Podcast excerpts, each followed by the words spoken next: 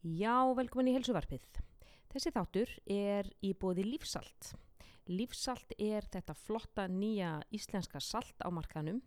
Þið finnir það í fjárðakaup, hagkaup og bónus í svörtum pakningum, svona svörtum litlum kössum. Þetta er eh, salt sem er unnið úr jarð sjó og það inniheldur 60% minna natrium en hefbundið sjávarsalt en hins vegar meira af kalium, magnesium og jóði. Nú magnesiumskortur er annar mesti steinefnaskortur á Vesturlöndunum og kaliumskortur getur valdið krampa á nóttunni, til dæmis í fótum.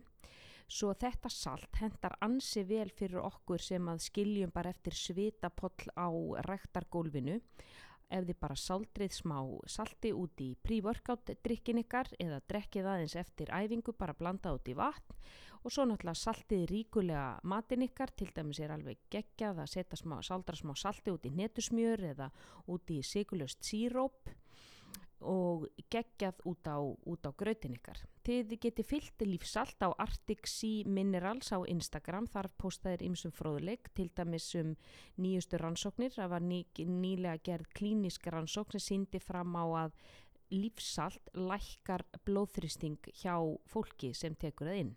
Þannig að þarna er við með backup frá vísindarsamfélaginu. Nú þátturinn er einni í bóði ná á Íslandi og ég er núna að byrja að nota nýja vöru frá ná sem eru freyði töblur og þær fylla á steinefni og söld eftir æfingar þannig að þær henda nú ansi vel með lífsaltinu. Þessar töblur koma í nokkrum bræðtegundum, lemon lime, berjabræð og tropical fruit og þær innihalda líka koffín úr grænu te svo þær eru ansi sniðuar bara plompa einni út í pre-workout drikkin eða út í vatn áður en að þið æfið eða bara meðan þið eru að æfa að sötra aðeins á meðan æfingu stendur. Nú þið fáið þessar freyðitöflu sem heita Effervescent inn á náfoods.is eða bara í háverslun og kóðin rakkanagli 20 gefur 20% afslátt af öllum návörunum og einni í háverslun af Houdini sænska útivistafatnænu sem er alveg, alveg frábær uh, spít og sundbólinir nú er ég byrjuð að synda á, á fullu bæði út í Damörku og auðvitað á, á Íslandi innum frábæru laugum sem við höfum hér. Og uh, einnig eru þeir með Converse og fleiri flottar vörur. Nú í þessum þætti þá tala ég við Snorra nokkun kendan við Barón Snorri Jónsson. Hann er umbásmaður Söru Sigmunds og Björgvins Karls Gíslassonar ása, fyrir ekki Björgvin Karl Guðmundssonar á samt eh, öðrum rýsandi stjörnum út í heimi. Nú Snorri hefur alið mannin ansi víða Eh, hann er, eh, hefur verið dýravörður, hann gaf út tímaritið undir tóna, hann var með auglýsingastofuna Vatikanið en er núna alveg bara á fullu í umbósmannastörfum. Nú eh, við tölum um hvert er eðli þessa, eh, þessa starfs, við tölum um crossfit skandalinn sem að skekur nú crossfit heiminn þar sem að Greg Glassman hefur nú heldur betur sínt á sér aðra hlið um, og að meðan við töluðum uh, urðu aldeilis vendingar í, í, í crossfit heiminu þar sem að Greg Glassman seldi fyrirtæki sitt. Svo það er nú ímislegt sem kemur fram í þættinum sem að varð úrreld svo þetta er nú bara, lífið er nú bara stundum eins og raunveruleika sjómarp þar sem að allt gerist á, á nú leitni. Nú Snorri er einn hressasti maðurinn á Íslandi uh, gæti alveg örglega haldið upp í góðu bara uppistandi einn og sér, svo skemmtilegur er hann og hann hafi margar góðar skemmtilegar sögur að segja og bæði úr bransanum og, og, og því sem hann hefur upplifað til dæmis í gegnum að halda risastórt flott crossfit mót. Nú ég vona að þið hafi haft að þið hafi gagn og gaman að þessum þætti og hér er ég að tala við Snorra Barón. Gjöru þið svo vel.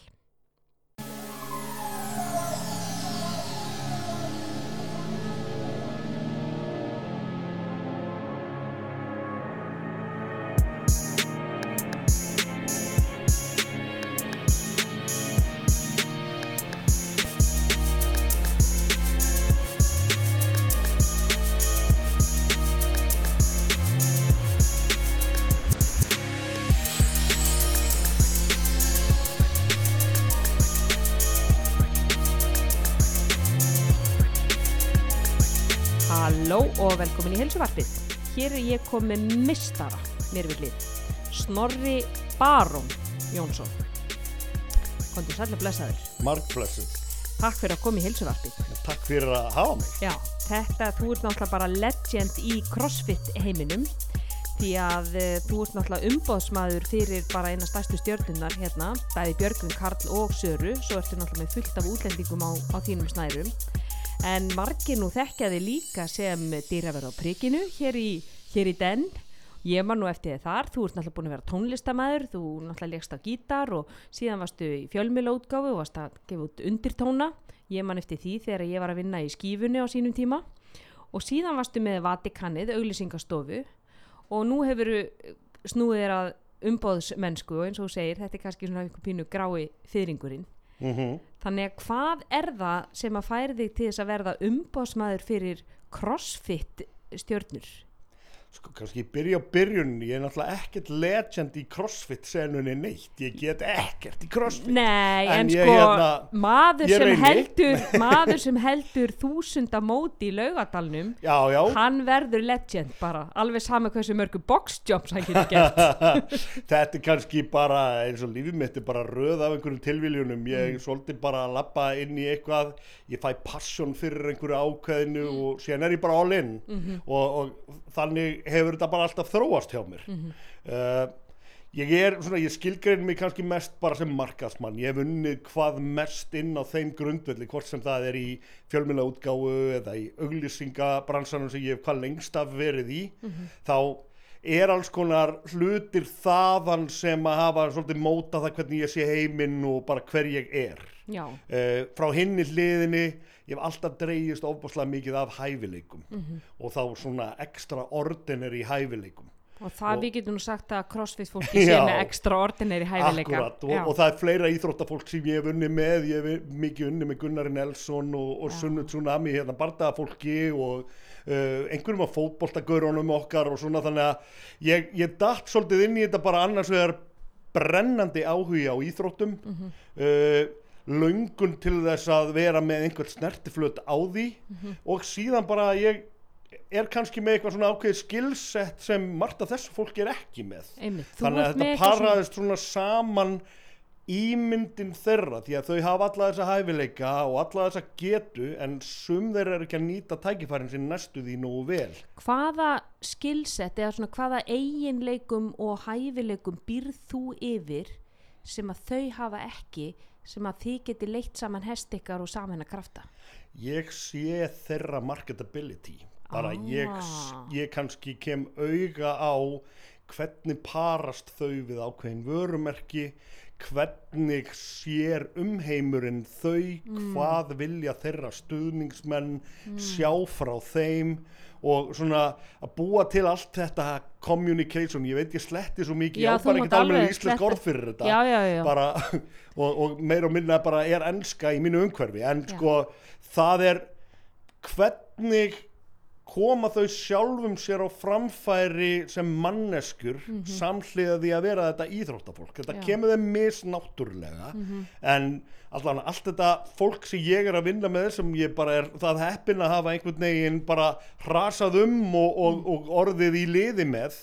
þau, þau hafa öll svo margt fram að færa sem þau voru ekkert endilega að sína sko. hvernig ná leiðir ykkar saman? Þú veist, hefur þú samband við þau og eins og til dæmis með Söru segir þú, heyrðu, hérna já blessu, snorri heiti ég, ég er að hérna, sé það að þú ert ekki alveg að nýta hefileikaðina eina og þú þarft að mér að halda. Eða hefur hún samband við þig Já, og segir, í, ég í er að hennar heyra þér. tilfelli sameilugur vinur. Já, sem að bara ákvað upp á sitt einstæmi að hún og ég þyrftum að hittast. Var, var hún með umbósmann þá á þeim Já, tíma? hún var með amerískan umbósmann á þeim tíma og á þeim tíma hafði ég ekki beinlínis ambisjónur um að verða einhver umbóðsmaður Ó, ég vildi koma inn bara á þessari markaðs og ímyndar hlið Mhm. þar sem að svona min, minnir hel, mitt helsta skill og mín helsta þekking liggur. Mhm. uh, og, og við byrjum að vinna svolítið saman í kringu það að bara byggja upp samfélagsmiðlan hennar láta hana sæna meira í gegn. Mm, síðan náttúrulega í lengri versjón af þeirri sögu þá var ég náttúrulega farin að trafka svolítið á tánum á umbóðsmannunum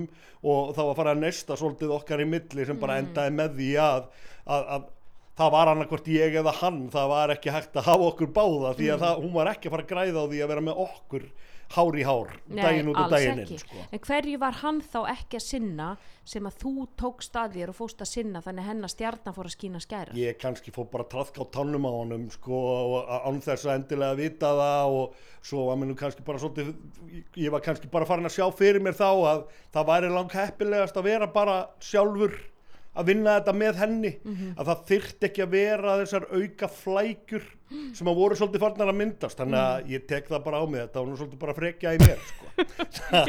Þannig þannig ég, ég var bara á leiðinu svolítið að gera mig greint fyrir því að það að vera einhver ímyndar ráðgjafi gafi eitt og sér það parast ekkit endilega svo vel við. Það gerði það ekki í þessu tilfellu og gerði það faktist ekkit í mörgum öðrum tilfellum. Og umbóðsmennskan er svo mikil mikil hluti af þessu líka. Hvað felst í umbóðsmennsku? sko samkvæmt orðabókarskýringunni bara á förum- blaðstíð fjögur þar er það að vera umbóðsmaður fyrst og fremst að tala fyrir hönd viðkomandi aðila. Já, að vera sá sem hefur umbóðið til þess að tala í þeirra nafni og framkvæma í þeirra nafni ok. uh, í íþróttabransanum er það nú fyrst og fremst bara að ganga frá samningum já, og einmitt. það var kannski svolítið það sem að uh, Það sem hún stóð ímynd. svolítið frammi fyrir Já. var það, það þegar búið verið að ganga frá samningnum þá var þetta svolítið í fanginu á henni og þess vegna Mm. þurfti hún kannski einhvern eins og mig til að hjálpa til við að greiða úr því því að Mm. um leið og búið er að gera samning Mhm. þá ertu með einhverja skildur Mhm. sem koma fram í samningum. Þú þarft að posta x oft Mhm. einhverju á samfélagsmiðlana þýrna þú þarft að mæta í myndatökur og einhverja viðburði Mhm. og eitthvað fleira.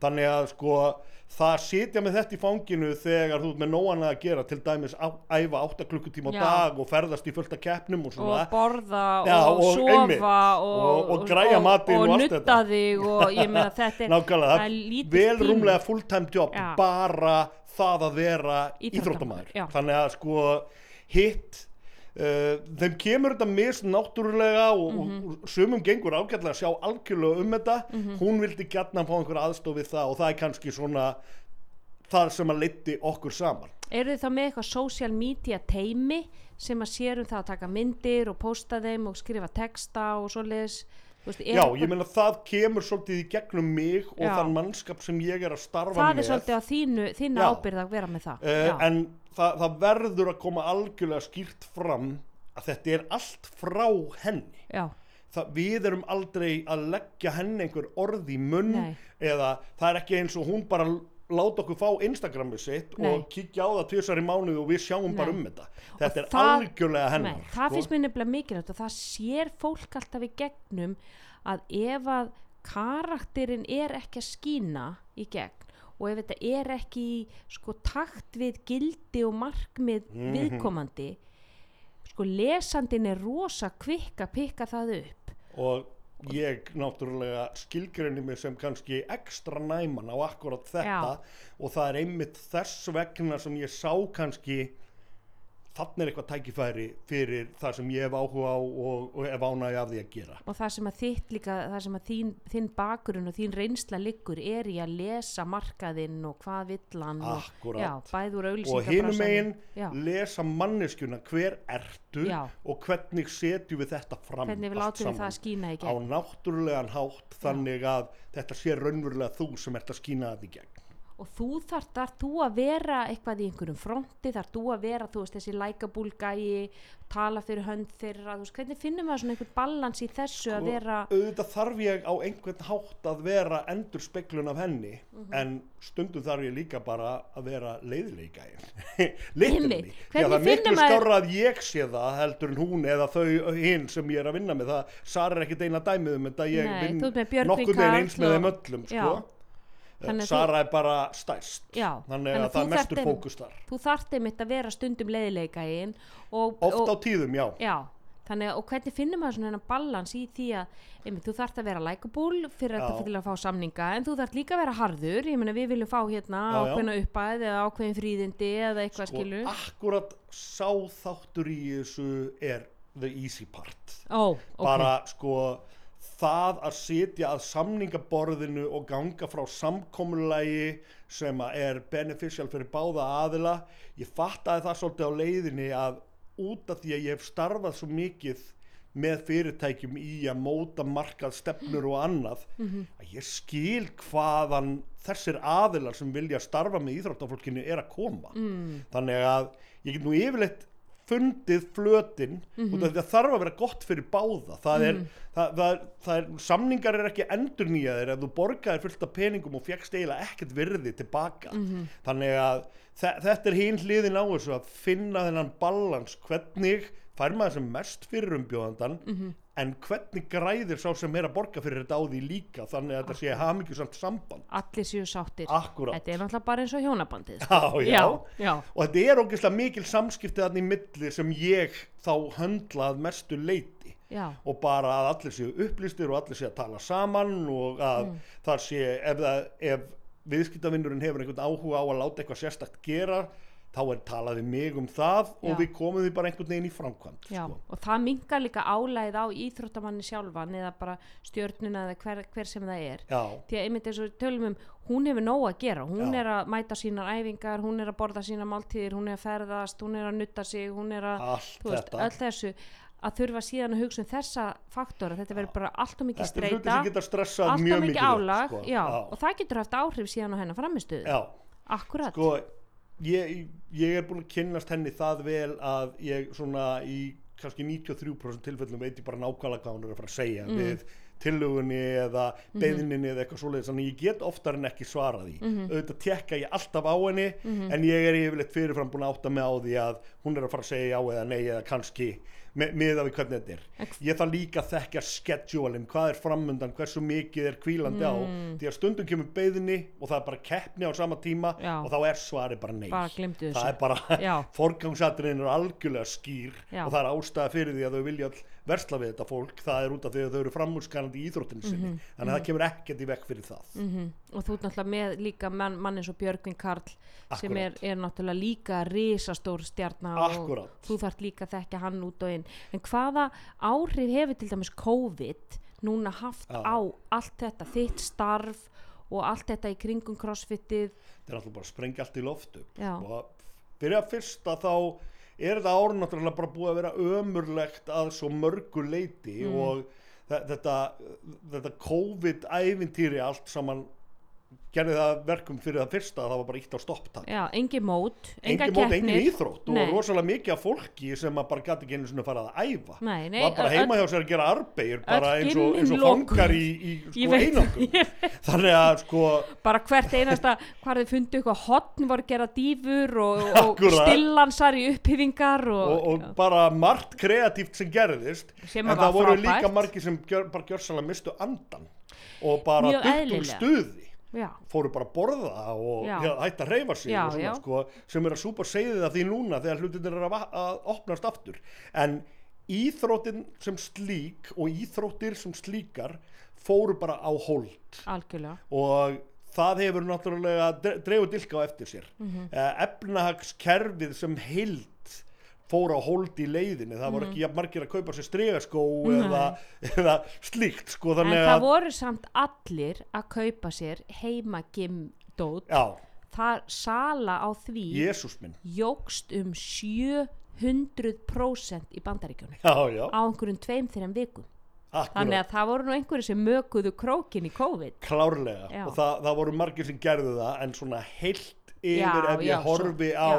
Efnahægin hjá, hjá því fólki sem ég er að vinna með og þeim fyrirtækjum sem ég er í kringum þá var þetta fjandislæm einmitt, Ein- það er ekki eins margir að kaupa sér stríða sko, og, og, líka sætta stöðunar lokaðar þú veist, þetta þetta hefur margföldun á þetta er dóminó áhrif. Já, Þetta er það og við sjáum ekkert alveg fyrir endan á þessu. Núna er maður að heyra fréttir að því að bandaríkjumenn sé að missa taukin á þessu aftur. já, Flórida er að fara til fjandans núna og, og svona sko þannig að allt hefur þetta rosaleg áhrif þegar bandaríkin eru nokkurn veginn suðupunktur allra þeirra íþróttar sem ég tengist hvað mest já, já, og, og sérstaklega crossfitsins sérstaklega crossfit Já. sinna, sko, hún er náttúrulega stæst, stæst þarna og Akkúrat. náttúrulega það er engin mót og þá náttúrulega eru sponsorarnir líka þeir, þa- þarna eru, eru tekjulind hjá þeim sem að fer líka Klárt. í vaskin já, sko sem betur fyrir er COVID ekki búið að slökka á samfélagsmiðlum nei, flestir dílar eru nú byggðir upp í kringum Mhm. þetta tvennt það er einhver presens í lífi fólksins í gegnum samfélagsmiðlana þeirra.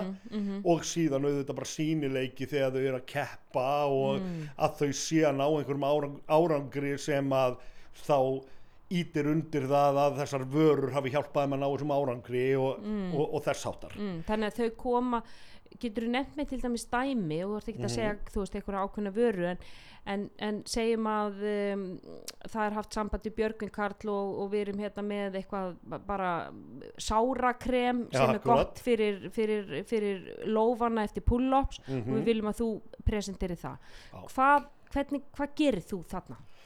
sko þetta tiltekna dæmi það er aktuelt þá hérna þá fór ég bara og sótti þetta fyrirtæki. Þetta var vara sem hann hafði sagt mér frá sem að þjálfarinn hans hafði fundið út af því að þjálfarinn hans er, er í mörgum öðrum íþróttum líka og hann hafði fundið þetta alveg sem sérstaklega heppilega vöru til að græða sár hratt. Já, og þetta virkaði á alveg undraverðan hátt á Björgvin og, og hjálpaði honum að ná árangri sem hann hefði sennilega annars ekki náð ef lóarnir á honum hefði allir verið í tætlum. Þannig að hvað Þannig að- gerir hann sko þarna, hvernig representar hann hann segir vöruna? mér frá þessari vöru kveikir áhuga minna á því að komast að því. Ég hef samband við þetta fyrirtæki.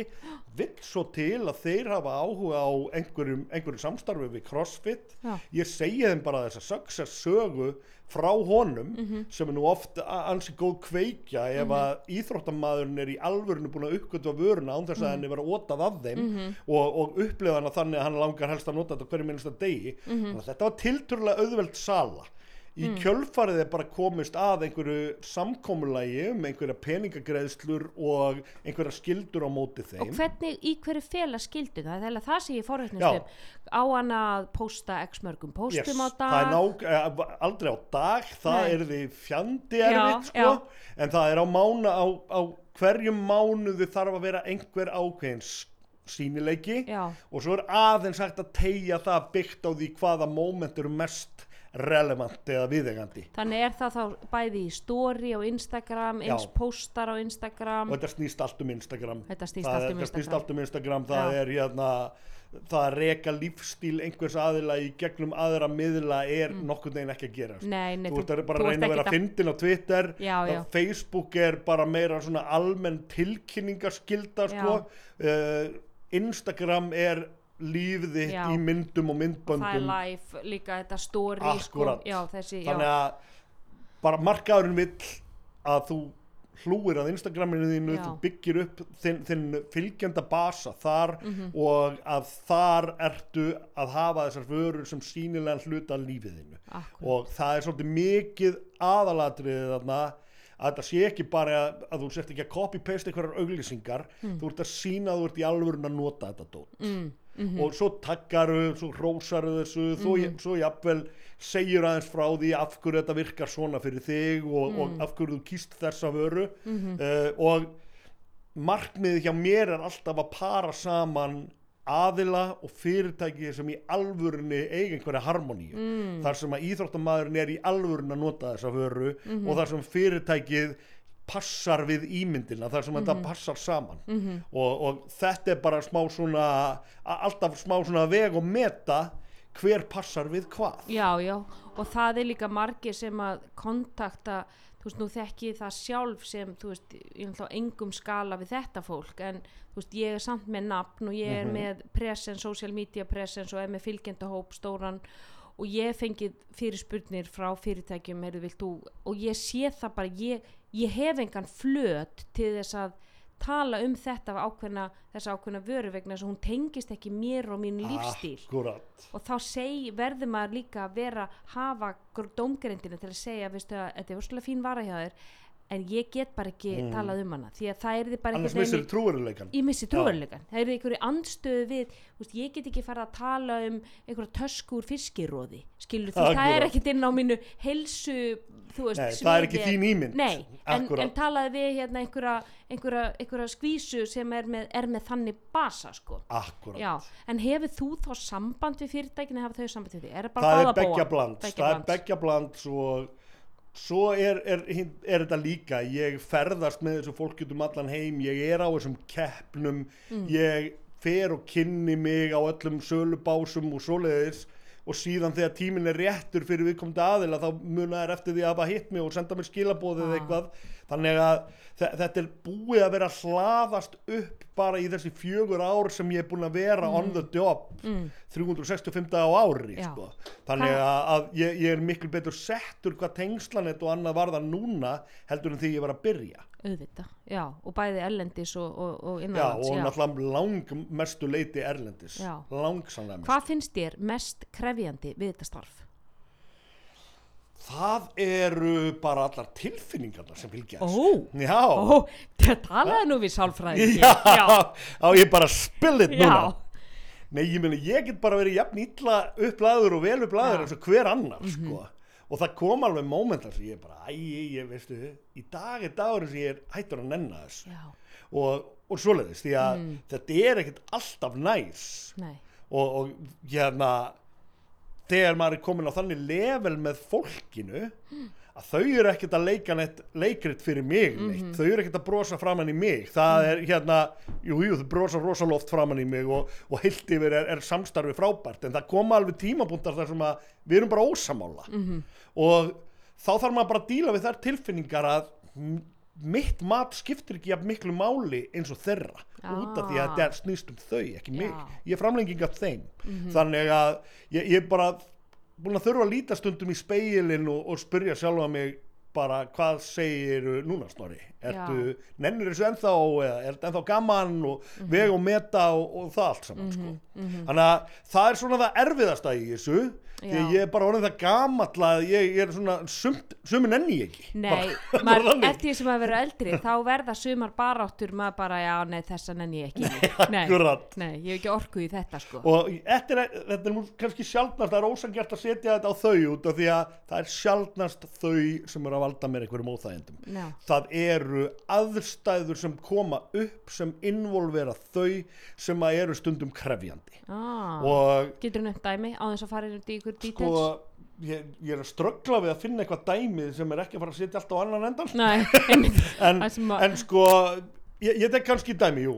Við fórum það var sko síðasta ár eins lítið og maður er nú búin að ferðast í ár Mm. ég var alveg farin að hérna, hlakka til að sitja ekki lengur í flugvel Já, en á, á síðasta ári við kláruðum desember bara, bara með stæl Mm. bæði með Söru og Björgvinni það var, það var, það var stór keppni í Dubai og síðan var farið beint þaðan til Milano í eitthvað svona verkefni með, með einum af sponsoraðilum Mm.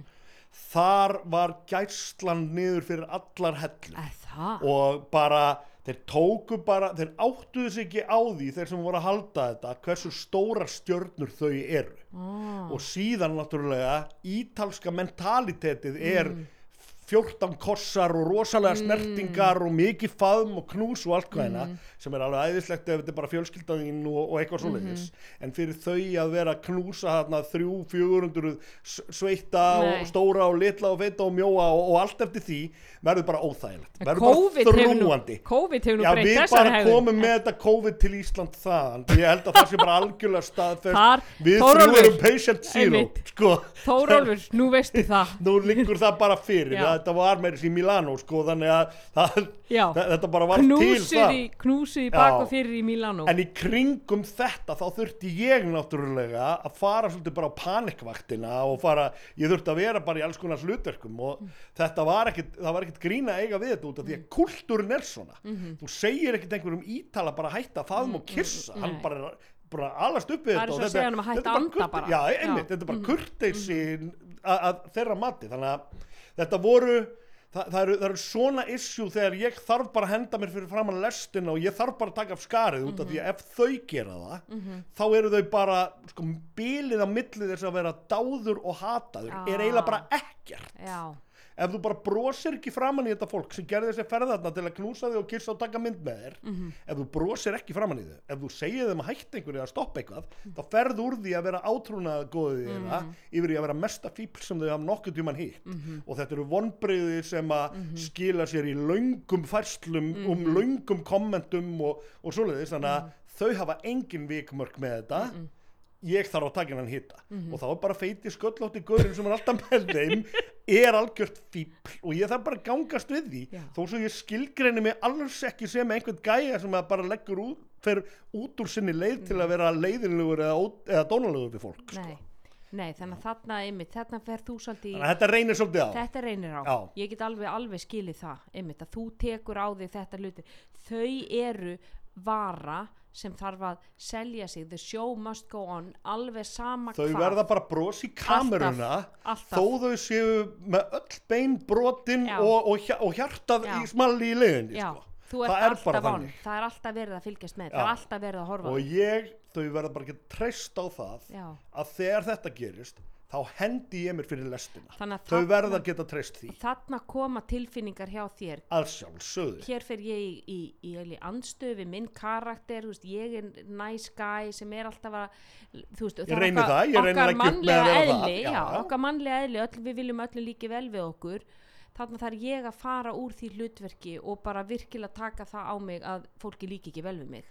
Já, rétt, ertu sálfræðingur? ég er sálfræðingur. Auðvitað, þú ert búin að greina þetta Já, já, já. Herru, við erum að tala smá business Já, þegar þetta podcast er búið podcast er búið, Ég held að þá- þú getur náð mér upp úr þessari hólu sem ég er í Ég held að það er við séum bara komin inn með business. Já, já. En þannig að þetta er mest krefjandi. Það Já. eru þessar, þessar tilfinningar sem fylgja þessu og einmitt suma daga bara ægin enn í þessu. Akkurat, Já, en hvað er ég að væla þetta er æðislega vinna Þetta og ég, við ég veit að það eru margir sem myndu öfunda mig af því að vera í svona mikillir nálað við þetta allt Mhm. saman og plúsarnir eru þúsund sinnum fleiri en mínusarnir höfum það algjörlega á reynu Algjörlega. Já. Og það er sumt sem við, við lendum í svona sem við köllum, ég heyrði þetta um daginn kampavínsvandamál. Það er ekki Akkurat. fyrst af heims vandamál heldur þetta eru kampavínsvandamál, Já, kampavínsvandamál.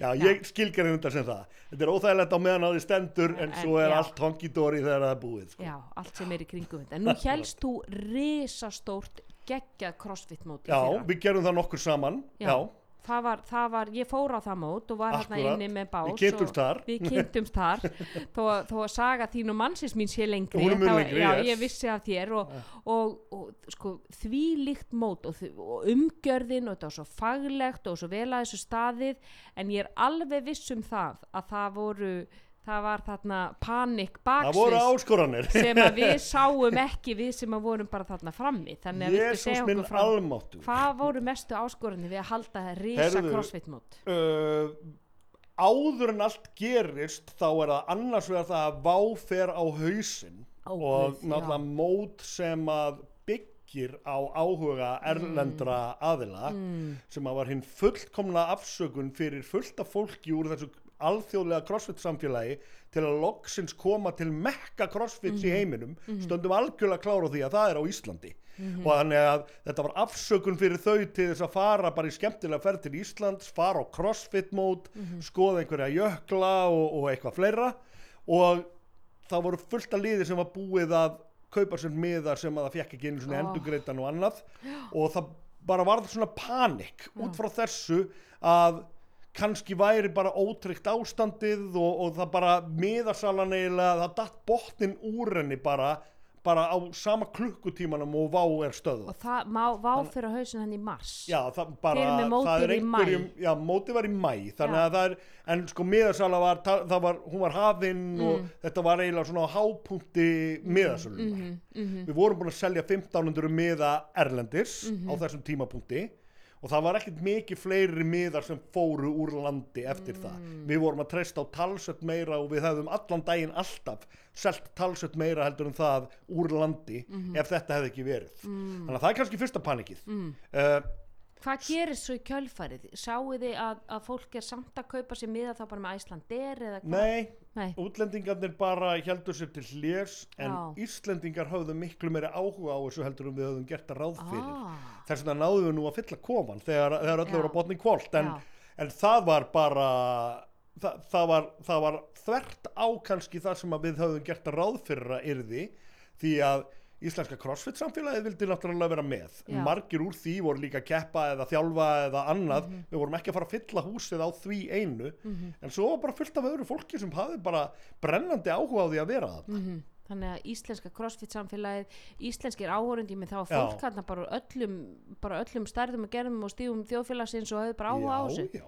bara Það kom ykkur óvart. Já, ég, Já. við tjölduðum samt til þess að gera glæsilegt mót. Það var alltaf lagt upp með það og við töluðum digubarkalega, Mhm. það voru stórstjörnur að keppa þarna, Mhm. Björgvin Karl var að keppa þarna, bæði Katrin Tanja og Anni voru í Þuríður. svona atriði, já Þurriður Erla var að Já. Mhm. keppa þarna og fjölmargir erlendir, Og Já. fjölmörg stórnöfnur úr, frá útlandum sko þannig að þetta var bara legit mót Já. og það er náttúrulega gerði það að verkum líka að við gátum bara að talað um þetta sem að þetta væri alvöru dæmi. Þetta er fyrsta svona alvöru alþjóðlega mótið sem haldið hefur verið á Íslandi þó svo að Íslandingar hafi nú bara verið dóminerandi í þessari íþrótt Já. frá því að hún varð til Já, hugsaði þér. þannig að það var komin alveg tími á þetta Já, þetta var svona regionals eða ekki.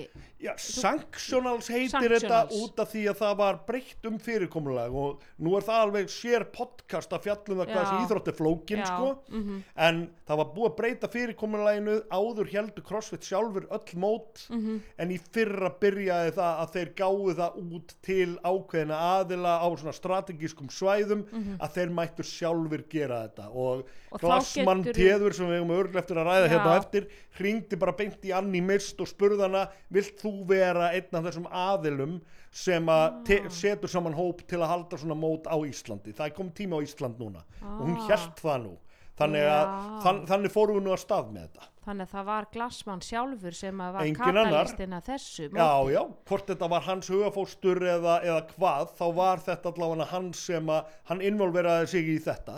Get, það er þá allavega eitthvað gott sem Hann rennur fær undan eitt rifjum. prik þarna.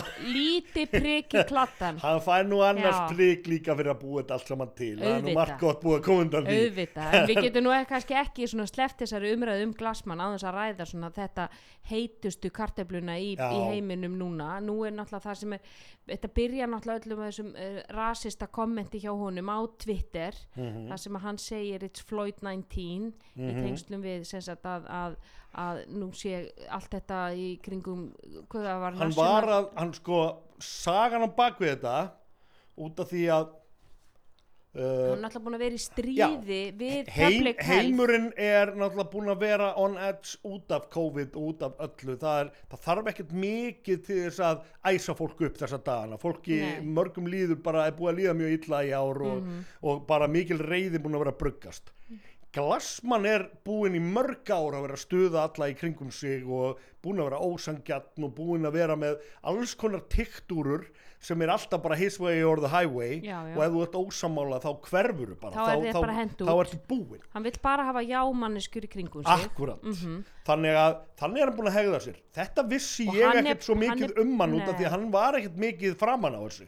Hann er ekkert búin að vera að berjast neitt mikið um sviðsljós hann er náttúrulega bulli og svona týrant Já. og, og maður er svona að sjá það núna að, það er að koma náttúrulega fram fólk sem hefur ekki þórað að tala á þur Akkurat, og segja frá hvernig hann er. Hann er náttúrulega með óbáslega hvern fyrir litningu já tala niður til hvenna Og það er einhver, einhver af pervertisma þarna líka það er, sko. eitthvað, það er eitthvað undirliggjandi eins og hann sé sko bara með bara einhverjar skrýtna kendir hvað, hvað það varðar en hann segir, segir hluti við konur sem eru náttúrulega bara, bara mjög sexist og, og, og það er náttúrulega bara væri þetta me too að þennan mann bara í drast Mhm. Það sko. er náttúrulega bara að gerast núna Já, það, það- er bara nákvæmlega það, það sem er í gangi koma, núna koma fram Sko ég, ég er nú ekki mentaður í þessum fræðum en ég held fyrir það fyrsta að þetta kommentans hann var aldrei að hugsa það sem skota og svarta samfélagi. Nei, það held ég nú var, ekki. hann, hélt, hann, hann var bara með svona, svona fyrirlitningar skot og hann hélt að kórin myndi klappa. En sko hann, þannig að það er náttúrulega baksaga líka vegna þess að hann er búin að vera að berjast við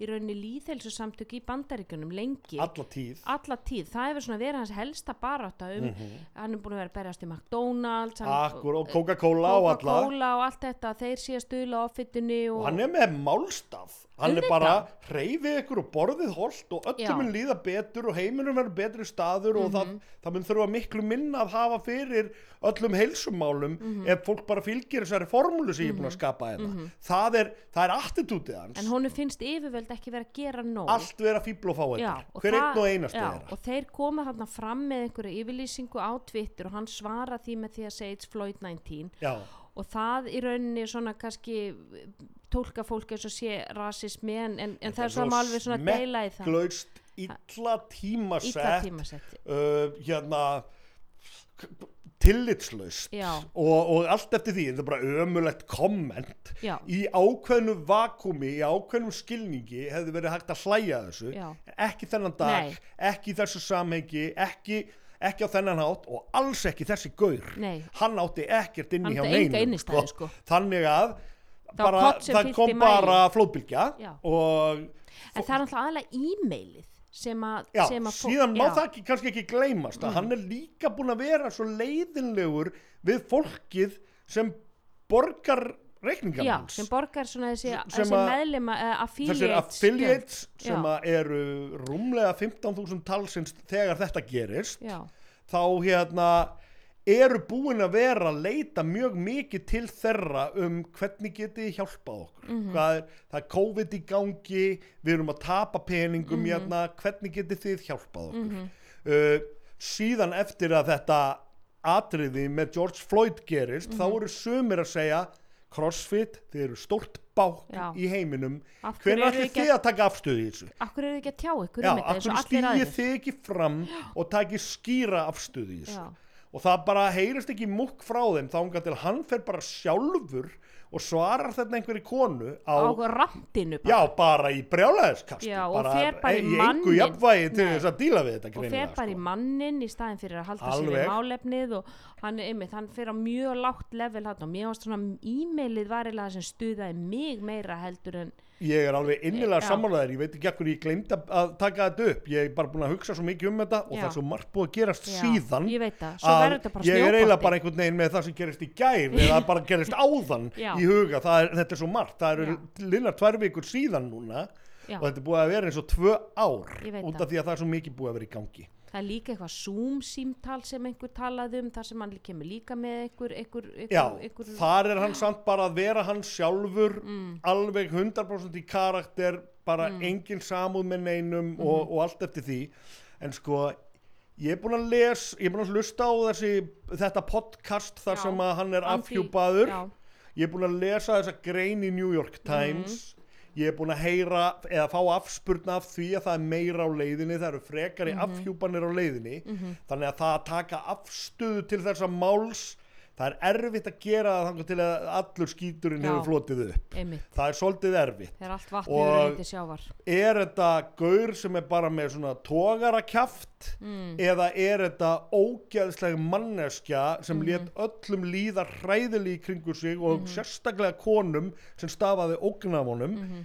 ég er ekki reyðbúin ég, ég er ekki búin að mynda mér 100% skoðun á þessu því að ég er ekki búin að sjá allt sem er á eftir að koma upp Nei. en sko þetta er ekki honum í hag. Nei, við getum alveg haft það þannig. Af því að sko þetta er íþrótt sem að hefur hafið upp til skíjana jafnrétti. Getu já, jafnrétti kynjana Mhm. getu kvenna, framistuðu kvenna og þær hafa skinni miklu skærar en kallarnir í þessari íþrótt og ég meina hvað hún hefur gert fyrir bara konur hér á Íslandi, ég meina það það voru ríkfallin nebejurekkar hérna bara fyrir sko, fyrir fimm árum. Það er ekki þannig lengur. Nei, það er sko ekki þannig lengur, þú bara getur alltaf fengið nebejurekka fyrir konum að beigja þannig að þetta við fengið konurinn í liftingasalinn, þær eru orðna stoltar af því að vera með vöðva, þær eru orðna stoltar af því að vera, vera sterkar og fara og fókusa meira á framistöðu heldur en að vera alltaf að slefa eftir einhverju útliti Mhm. og einhverju, einhverju, einhverju hórun á skrokki. Kona með marblett og ég þá er ég ekki að tala um Já. glóðurauga Nei. heldur eftir stöng stöng þykir orðið fallegt Einmitt. og eðlilegt einmitt, og bara ripna lófa og Já, ripna já, það er bara sköflunga töff. já,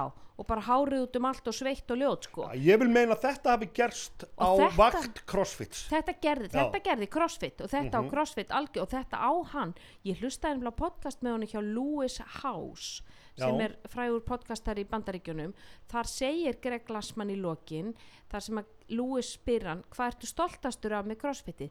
Ég er stoltastur af því að hafa komið konum aftur inn í liftingasalinn og fengið það til að fókusa á performance. Mhm. þannig að þetta segir hann berum orðum. Síðan er hann bak við tjöldin svona Já. þekkjandi og hegða, hegðar sér á þennan hátt. Að þá fer maður svona hmm, já, Já, já, þetta er erfitt. En svona bara, við, við, við erum öll breysk, Já, Vi, við, erum öll einhverja galla og, ekk- og svoleiðis. Ég, ég hugsa sjálfur í samengi við þetta Me Too dæmi að mikið af mönnum, ég meðtalinn, kíktu aðeins í speilin og hugsuðu, mm, er ég búin að vera að krýpa öll þessi ár án þess að vita af því? já, Mín niðurstaða var bara mér í hag mhm, og hérna til enga móðu minni það að hún Já. bara ól mig upp með harðri hendi bara ég hérna koma fram í konur já, já, virðingu. Mhm. ég, ég á öru það, það pottið einhverja sögur til að mér og þegar ég er táningur og eitthvað þar sem ég segi eitthvað eða Auðvitað. er, er hérna held ég sé rosalega töff en Mhm. bara er, er að særa einhverja mannesku ég menna, við höfum öll tekið það Mhm. en hérna það að hafa bara ekki getuna til að skilja þegar þú ert að láta mannesku líða illa Mhm. út og daginn inn þá ertu bara viðbjóslega manneskja já, og þeir út að nýta þér valda jafn, ójafvægið þér í hag þegar þú ert að sko. nýta Já. það að þú ert að greiða launin Já. Og sérða ekki að þessi brand, ósmekla í brandariðin það að allir hlóa á honum var ekki endilega það að Nei. þeim þótti að fyndið. Þú að vildi bara ekki lendi í vandræðum fyrir að hafa ekki hleyið það og þannig, þann, það sko við skoðum það að Dave Castro taki við er hann, hann er náttúrulega er búið að viðgangast allt á hans vakt og það er Mhm. enginn að segja mér annað en að hann viti ansi mikið sem hafi gerst þarna. Eru við að horfa á einhvern annan mann eða eru við að horfa bara aðra útgáfa hann er ennþá að hann er ennþá að fá sín laun, hann á ennþá crossfit, þannig að hvað hefur breyst?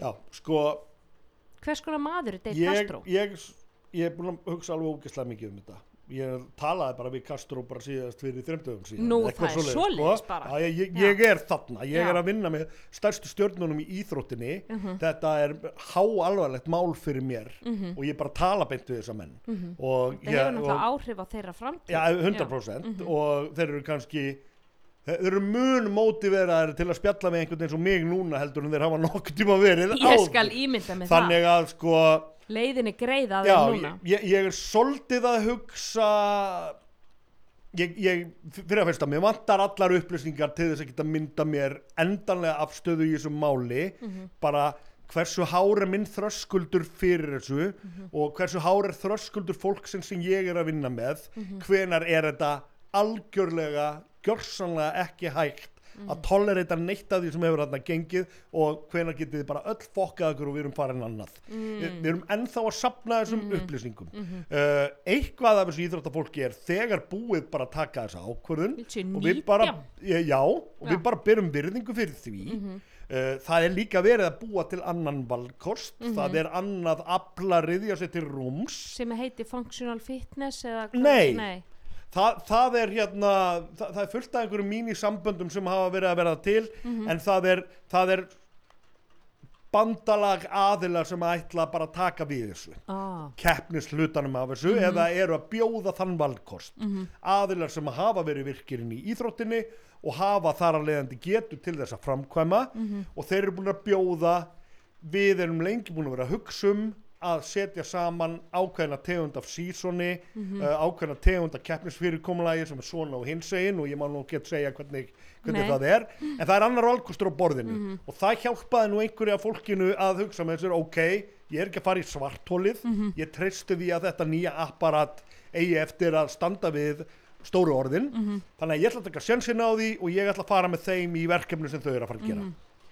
flestir eru þó með þennan varnagla ef að Greg Glassman selur og ef breytingar, sínilegar breytingar eru gerðar innan fyrirtækisins þá eru við reyðubúin til að endurskoða okkar afstöðu og koma tilbaka mögulega þannig að það er í rauninni krafa um að Greg Glassman selja 100% ah. og Ok. það sem meira er í augnablikinu hljóma rattirnar eins og hann taki það til greina og það sé að komast á eitthvað ferli um það ah, allt sögursagnir, ég hef þetta ekki beint úr kjaftinum á honum Nei. þannig að ég bara segja það sem mér er sagt en mm. það, það er En allan myndi einn fólk level sætta sig við Dave Castro í, í spísinu? Já, hann þarf að vinna sér inn fyrir því Já, ég bara spyr uh, höf, var okkur ekki kent fyrirgefningu ef að við erum byggðin afsökunar já, var okkur ekki kent að gefa smá slaka ef einhver er að sína það að hann er að reyna að laga stöðuna. Yðrast, já, já, ég er ekkert að segja þeir séu að því nei, en ég er ég, ég spyr samt er hægt að taka 100 miljónar dollara Mm. fyrirtæki og sturta því ofan í klósettið Mm. svona?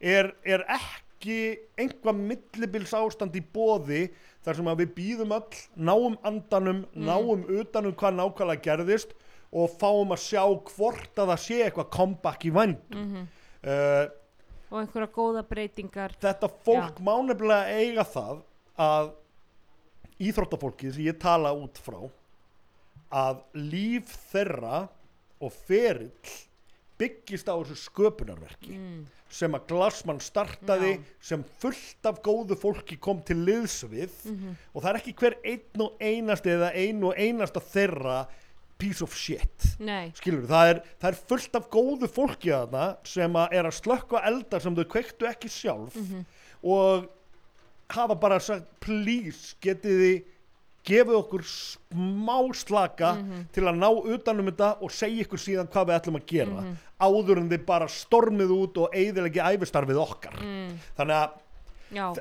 hér er ég bara að tala út Já. frá spurningunum sem ég er að spyrja sjálfan mig Já. og spurningunum sem mikið af íþróttafólkinu sem er ekki ennþá búið að stíga skrefið mhm, er að spyrja sjálft sig.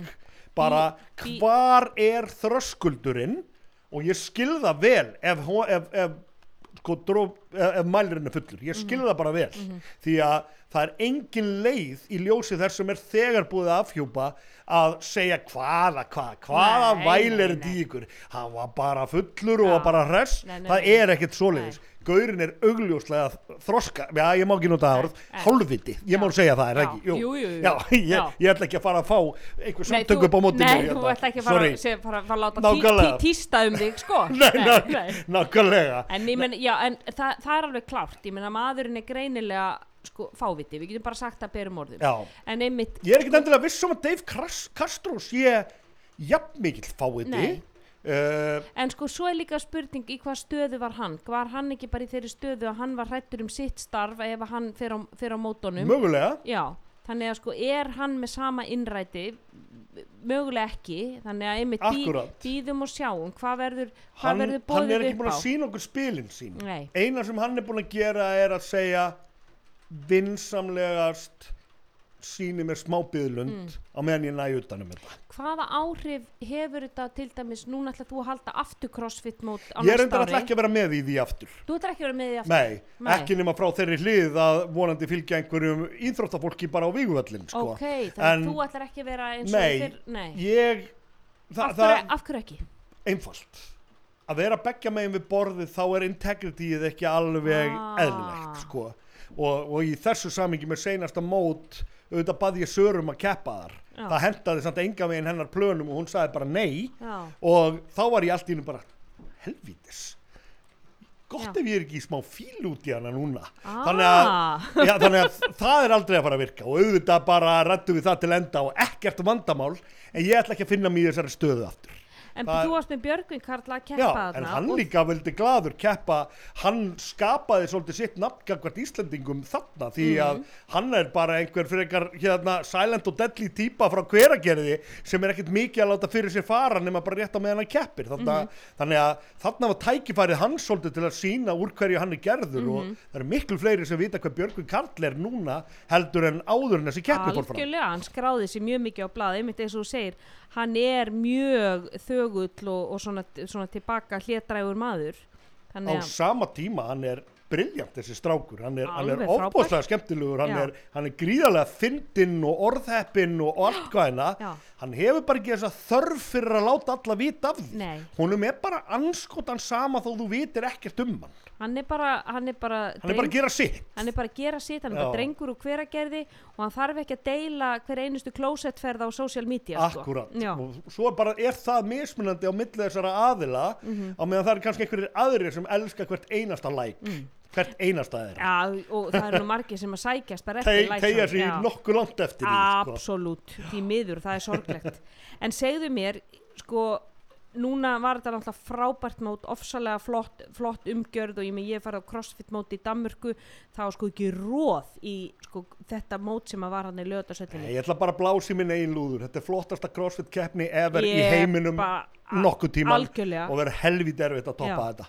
Að sko eh, salurinn, lýsingin hérna inni, stemningin fólkið, dómararnir tónlistin, þetta var allt upp á tíu Það var það æðislega stemming Já. hérna sem að bara ég fæ gæsa út að hugsa Já, um það sko. þetta var frábært en Já. getur þú sagt okkur einhverja svona sögu bak við tjöldina sem að eitthvað var panik Já, ástand og bara allt eigum við að byrja á því að í, og þú varst í fóstustellingun Já, já. að sjúa puttan Stúkurnar voru ekki tilbúnar þegar fólk kom inn. Það var miklu meira vesen. Það er enga stúkur til á Íslandi, svona Ó. stúkusystem. Já, Við þurftum bara að fá einhverja palla og bensla og saman og svona.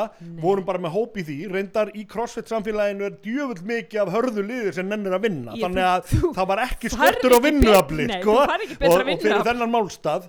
En þetta reyndi samt svakalega á. Við vorum að reyna að koma 4500 manns fyrir Mhm. og það var engin leið að gera það öðruvísi heldur en að vera svolítið creative og á sama tíma þurfum við að, að virða alla staðla og bruna eftirlit og annað þannig að húsið var að, eða andrið var orðið tróðfullt og við áttum ennþá eftir að koma fyrir svona 500 manns. Bara það var ennþá verið að smíða fyrir því, því að, og samt búið að vinna sko í 26-7 klukkutíma við að koma þessu upp. Þannig að það reyndi á og við vorum bara Hvernig- frammi að reyna að róa fólk niður. Hvernig eru tilfinningarnar á þessu mómenti? sko, akkurat á þessu mómenti er ég að hugsa ég er þess ykkur ég er, ég er næsta Keflavík Music Festival. Það er það sem ég hugsaði þarna. Það er bara ég, ef, ef Guðs ég er ekki búin að marka setja mig Já. það mikið að það sé að setja myndir af mér út um Nei. allt sama sem bara gaurinn sem fokkaði þess Nei, en sem betur fyrr þú sér Þá- bara fram á bara snorri fjasko Jónsson. Já, út af því að en við vorum auðvitað fleiri í þessu en ég var búinn að vera svolítið vókal sem Já. svona aðili að þessu. Uh, við vorum líka búin að selja númeru sæti sko. ah, þannig að það voru allir að koma að sækja meðan sinn í eitthvað sæti og þar voru 500 ekki til. Þannig að þetta var fokk. En við, við leistum það bara með að segja sorry, þetta er bara staðan. Já. það er nóg af sætum fyrir ykkur öll hérna fyrstir koma, fyrstir fá í kvöld og bara við byggjum ykkur afsökunar og hver einasta mannleski bara samþykti það Já. sem er ótrúlegt Já. það var engin Karen þarna sem að vildi tala við Nei. the manager og, og frík út, það, það fríkaði engin út Nei. einhverjum fannst þetta ponsu óþægilegt en við gátum leist það gagvart öllum og þannig er þetta bara crossfit samfélagi er svolítið næs hvað þetta varðar líka að fólk er í einhverjum svona team spirit og það kann að meta það að einhver er að búa til svona keppni þau horfa ekki bara á það að þau settu peningarinn sín í eitthvað og þau ætla bara að fá þetta Nei. og annars bara endugreitt og helst að, að að hýða einhvern. Nei. það, bara slapp allt til sko. tjarga og fyðra út á torki en Þannig að sko, líka tilfinningar það voru óþægilega rétt á Já. meðan en allt sem á eftir koma bara frábært, bara eins og draumur. Já, allt gekk bara eins og, eins og smurt. bara ótrúlegt en þannig kemur kannski líka æðruleysi bara Íslendinga yfir höfuð því að við erum svolítið þarna. Ef að það er eitthvað fokk eða eitthvað gengur ekki upp við erum svo vön, við erum alltaf að berjast við veður og vind og snjórenning og skabla og skafa bílnum og við förum út í hvaða veðri sem er og við kvörtum ekki og, og þú veist og við bara einhvern veginn látum okkur hafa. Við erum svolítið þetta það er búið að testa okkur helviti mikið það er Já, rétt. það, náttúran testar okkur og, og, og, við, og ég sé það sem náttúrulega búin að búa í Danmörku í 11 ár bara, sorry, ég vona að enginn Dani sé að hlusta á þetta en þeir eru bara þeir er, eru er bara það eintómur vælukjóða í alveg, þeir, þeir væla yfir öllu. Ef það er ekki, ef það er ekki innkaupa karfa í búðinni þá vil ég að fá að tala Já, einmitt. Við erum bara, æ, it, ég setja bara í vasana þú veist, einmitt. þetta reddar reddast, það er alltaf þetta mentalitet að reddast og það kemur okkur hansi langt. Það er náttúrulega komið okkur til fjandans líka Já, já. saman per bankarun það er balans á þessu en þetta eru Já. þau sem við erum. Já, og ég er al- alveg sammálaðir þetta gekk heldur betur okkur í hag akkurat þarna á þessari stund já, heldur betur. Og ég muni þess að ég segi, þið, er sko hróskili fyrir þetta flotta, flotta takk mót. fyrir það. Hvað ertu stoltastur af varandi þetta mót? sko ég veit þetta er náttúrulega klísja en við gerðum þarna þetta dóttir moment Já, sem var geggjað. alveg brjálað sko. og við söpnuðum saman öllu sem myndefni og, Mhm. og byggum til hennan trailer sem að endaði síðan á því að við byggum til þessa æfingu sem heitir Dóttir sem Mhm. að Anni og Katrín gerðu saman þannig að það var auðvitað brjálað moment sko, Mhm. og ég bara heyri ennþá fólk tala um það Mhm. Eitt og sér og þetta var bara réttur staður og rétt stund fyrir nákvæmlega það sko. Mhm. þannig að auðvitað er ég stoltur að því við fórum all in í það við hefðum, við hefðum, geta, við hefðum geta gert þetta miklu meira soft Mhm. við hefðum alveg geta sleppt þessu vídjói og við hefðum bara geta látið þær gera einhverja æfingu og allir klappað Mhm. en við fórum alla leið og, og það var æðislegt. Mhm. svo var mómentar sem allir gerðu vikingaklappi saman. Ó, bara Já. hver sá sem drullar yfir vikingaklappi það er bara högg í andliti frá mér sko. vikingaklappið er geggjað. Það er geggjað. Það er og það er bara þú stendur einhvers þar alveg sama hver þú ert og það byrja vikingaklappið þú færð alveg þetta sko hríslast niður bara í, í sko gönnina á þér bara bara þjóðar þannig. stolt og, það og er þannig Já. og þarna með alla þessa útlendingar sem hefur aldrei upplifað það ég held að þessu margir sem að vikingaklappi var bara hápunkturinn af þessu Já. þarna sko. er alveg, alveg bara fá að upplifa það á Íslandi í íslenskri stemmingu sko. Mhm. allir saman sem einn algjörlega, vá hvað er framundan hjá umbósmanni crossfit stjarnan núna eftir Heyri, það COVID er bara að finna út úr því hva, hvert þessi íþrótt er að þróast sko, Já, og já. bara hva, í hvaða átt þetta reynir vel á núna sko, og þetta er, það, það er mann líður eins og það sé eiginlega engir góðir kostir í stöðunni við erum bara að býða eftir að CrossFit síni spilin sín og svo Mhm. verða bara teknar ákvarðanir þaðan og ég, ég, ég trúi á það góða og ég, Mhm. ég trúi á það að þessi íþrótt og þetta samfélag af öllum á að geta komist í gegnum þetta já, af því að það sem að crossfit gerði var að skapa þetta samfélag í kringum það að æfa miljónir manna Milljónir eru, manna. Eru búin að gangast inn í þetta samfélag og það eru hundruður þúsundar sem eru það virka þetta er algjörlega trúabröð hjá þeim sko. Mhm. þannig, Algjörlega. að, þannig að það að það komi eitthvað upp í þessari íþrótt á að geta skila sér í því að það komi allir sterkari tilbaka út úr því. mm. það þarf einhverja smá þólinnmæði rétt á meðan verið er að ná utanum þetta. Það þarf einhverja auðmygt og það mun þurfa einhverja fyrirgefningu líka Mhm. uh, ef, ef þess er kostur. Mhm. bara fyrst viljum við bara fá þetta allt bara rótum öllum þessum arfa upp já, og sjáum hvað er þarna. Já, og Plöntum svo er þetta spila úr stöðunni. Þannig að það er okkar viðhorf í þessu. Mhm, uh, ef það er gert algjörlega ómögulegt að stíga tilbaka þá er náttúrulega bara verið að búa til nýja hluti líka sem eru alveg mjög spennandi. Mhm. þannig að hver- hvert sem þetta þróast þá kýs ég bara að trúa að þetta endi vel en ég verð dag og nótt í því að skoða þetta og sitja einhverja zoomfundi og ringi fólk út um allan heim og djöblast mhm, þanga til að það er komin einhver botn í málið. Já og skoða hvaða möguleikar er bóði og hvað henda best fyrir þína, þína keppendur og þína, íþgöndur Snorri, þú ert sko þú ert svo skemmtilegu viðmælandi ég geti haft því hérna í tvo tíma sko gerum En þetta bara aftur setna Já, þegar það er eitthvað nýtt að verður- það verður bara part 2 því að ég minna það, það eru nýjar vendingar á hverjum einasta degi já, sko. svo sannarlega. Já, þannig að við kannski tökum stöðun á því þegar, þegar Dave Castro og svona hafa sínt spilin sín og, og hvað er Rétt. hvað í þeim býr. Akkurat. Já, en hvar getur fólk fylgst með þér sjálfum, ert þú eitthvað virkur á, á Sko, samfélagsmiðlum? ég tek skorpur þegar það er eitthvað að frétta og er alveg á útopnu á Instagraminu mínu og fólk er svo sem frjálst eða nennir að fylgjast með 45 ára manni í tilvistagreppu þá, hérna, þá er alveg hægt að fylgjast með mér þar sko. Já, og þú ert hvað, Snorri, Snorri Baron? Já, Já, Snorri en- Baron á, á, á, á Instagram. En ég hvet sem flest að fylgjast bara með fólkinu sem ég er að vinna með. Þau eru talsett merkilegri og mikilvægir en ég sko. Björgun Karl, Sara og svo ertu með fullt á útlendingum Íslendingum með snærum. Krenikov, rússa sem er frábær og Mhm. Kelsey Kiel, hún er amerísk, hún er búin að vera að, að vaksa. Mhm. Svo er ég að vinna með fjölmörgum öðrum, kannski ekki endilega officially sem umbóðsmaður en það gæti alveg farið að þróast í þá áttina einhvern tíma. Sko. Mhm. En þessi fjögur eru umbjóðundur mínir og ég vinn með þeim hverju meinast degi. Mm, og það er tvær rísandi stjörnur út í heimi sem við þakkum til að fylgjast með. Akkurat. Takk fyrir Snorri að, að leiða okkur í allan sannleikanum um crossfit og, og, og hvernig umbótsmannastarfið er bara vindislega að fá þig. Og til ykkur Takk fyrir mig. Takk fyrir að hlusta heilsuvertir og þá til næst. Við við blessum.